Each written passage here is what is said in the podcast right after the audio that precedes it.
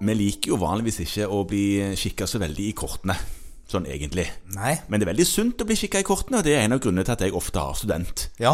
Fordi da eh, slipper jeg lyset inn på hva jeg holder på med, og må stå, stå for det. Ja. Og så er det noen som passer på oss, Ja. og eh, derfor får en litt høy puls og eh, litt sånn ekstra perspirasjon når en ser emblemet med denne her løven på. Riksløven. Riksløven. Ja. og da tenker en at oi, eh, her, her, eh, dette må jeg få med meg hva disse mener. Ja. Ja. Ja. Eh, Når det kommer nye forskrifter eller retningslinjer eller Ja. ja. hva man skal og bør og gjøre. Og så videre. Og, så videre. Ja.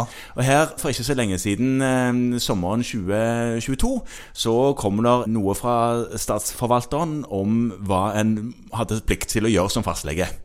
Ja, ja, der var en liten sånn eh, Gikk en sånn Facebook-tråd på det, så jeg. Ja, Inne på vår Facebook-side så gikk det en liten tråd på det, fordi det var noen som eh, spurte om vi hadde fått med oss dette. At eh, m- vi som fastleger plikta å si fra om et eller annet når det gjaldt en los, eller den typen yrke. Ja, og det var jo ganske morsomt, for der kom det en sånn flott løve, og så sto det da For oss som, som har litt humor, så var det jo litt festlig at det da fra 1. april Ja. Mm. var vedtatt.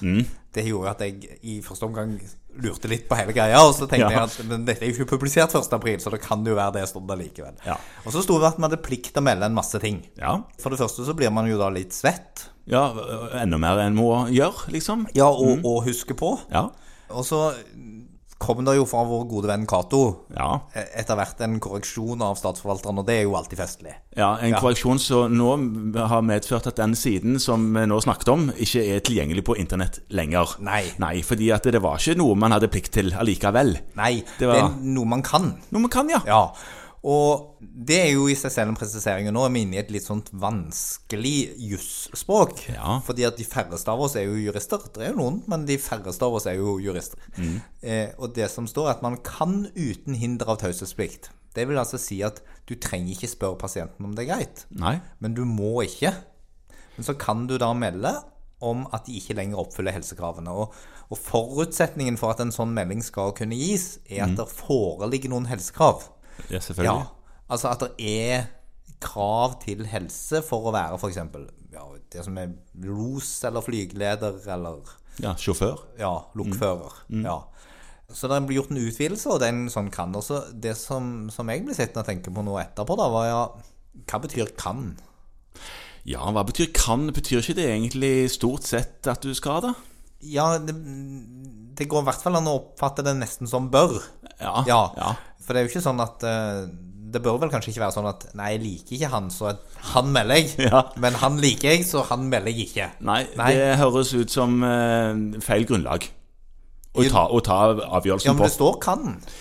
Ja, men er det dine personlige preferanser som skal Altså hva du tenker eh, kan? Eller er det, burde, du, eh, burde du tenkt annerledes? Ja, nei, og jeg, jeg er jo veldig enig med deg. Jeg tenker at man, man som hovedregel så bør man Mm. melde fra om at her er ikke eh, Helsekravene? Her er ikke helsekravene oppfylt. Mm. Men så kan det kanskje være tilfeller der det ikke er nødvendig. Ja. F.eks. fordi det er en kortvarig sak der du på en måte ser at dette kommer til å ordne seg kjempesnart uansett. Så det Ja. blir masse administrativt bråk hvis vedkommende får brev fra statsforvalteren selv. Ja. Eller det kan sikkert være andre årsaker til det. Ja. Eh, Og så står det også, og det er ganske viktig, at du må jo informere den du da melder, om at nå melder du. ja. Ja, For det skal jo ikke være en overraskelse. Nei? Eh, og, og i den diskusjonen så er det sånn at da er det jo veldig lurt å snakke med pasienten om hvorfor du melder, og hva som er grunnen til at du tenker at her er det lurt at vi gir beskjed Ja. om at du ikke lenger har lov til å gjøre det du pleier å gjøre. Men en vanlig problemstilling i, i alle fastlegers hverdag ha, har jo med førerkort å gjøre. Ja. Og der driver vi på med egentlig å unnlate i gåsøgne, å melde hvis du tenker at du får bukt med dette problemet innen tre måneder. Nei, seks måneder.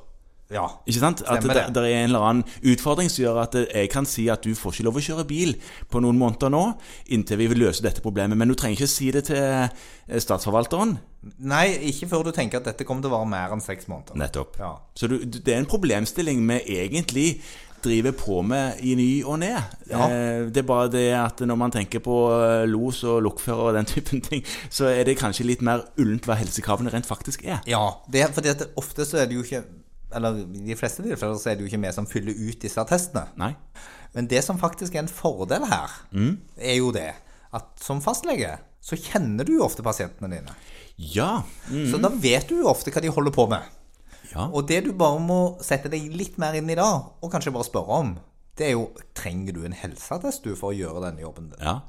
Og så sier pasienten ja, men den helseattesten får jeg alltid fra bedriftshelsetjenesten. Ja. Og da går det an, og det kanskje vi fastleger burde være enda litt bedre til, å ha en dialog med bedriftshelsetjeneste og arbeidsmedisinere innen disse, disse fagene her, for å høre om helsekrav, og om det er noen grunn til å tenke at kanskje ikke disse er helt innafor akkurat nå.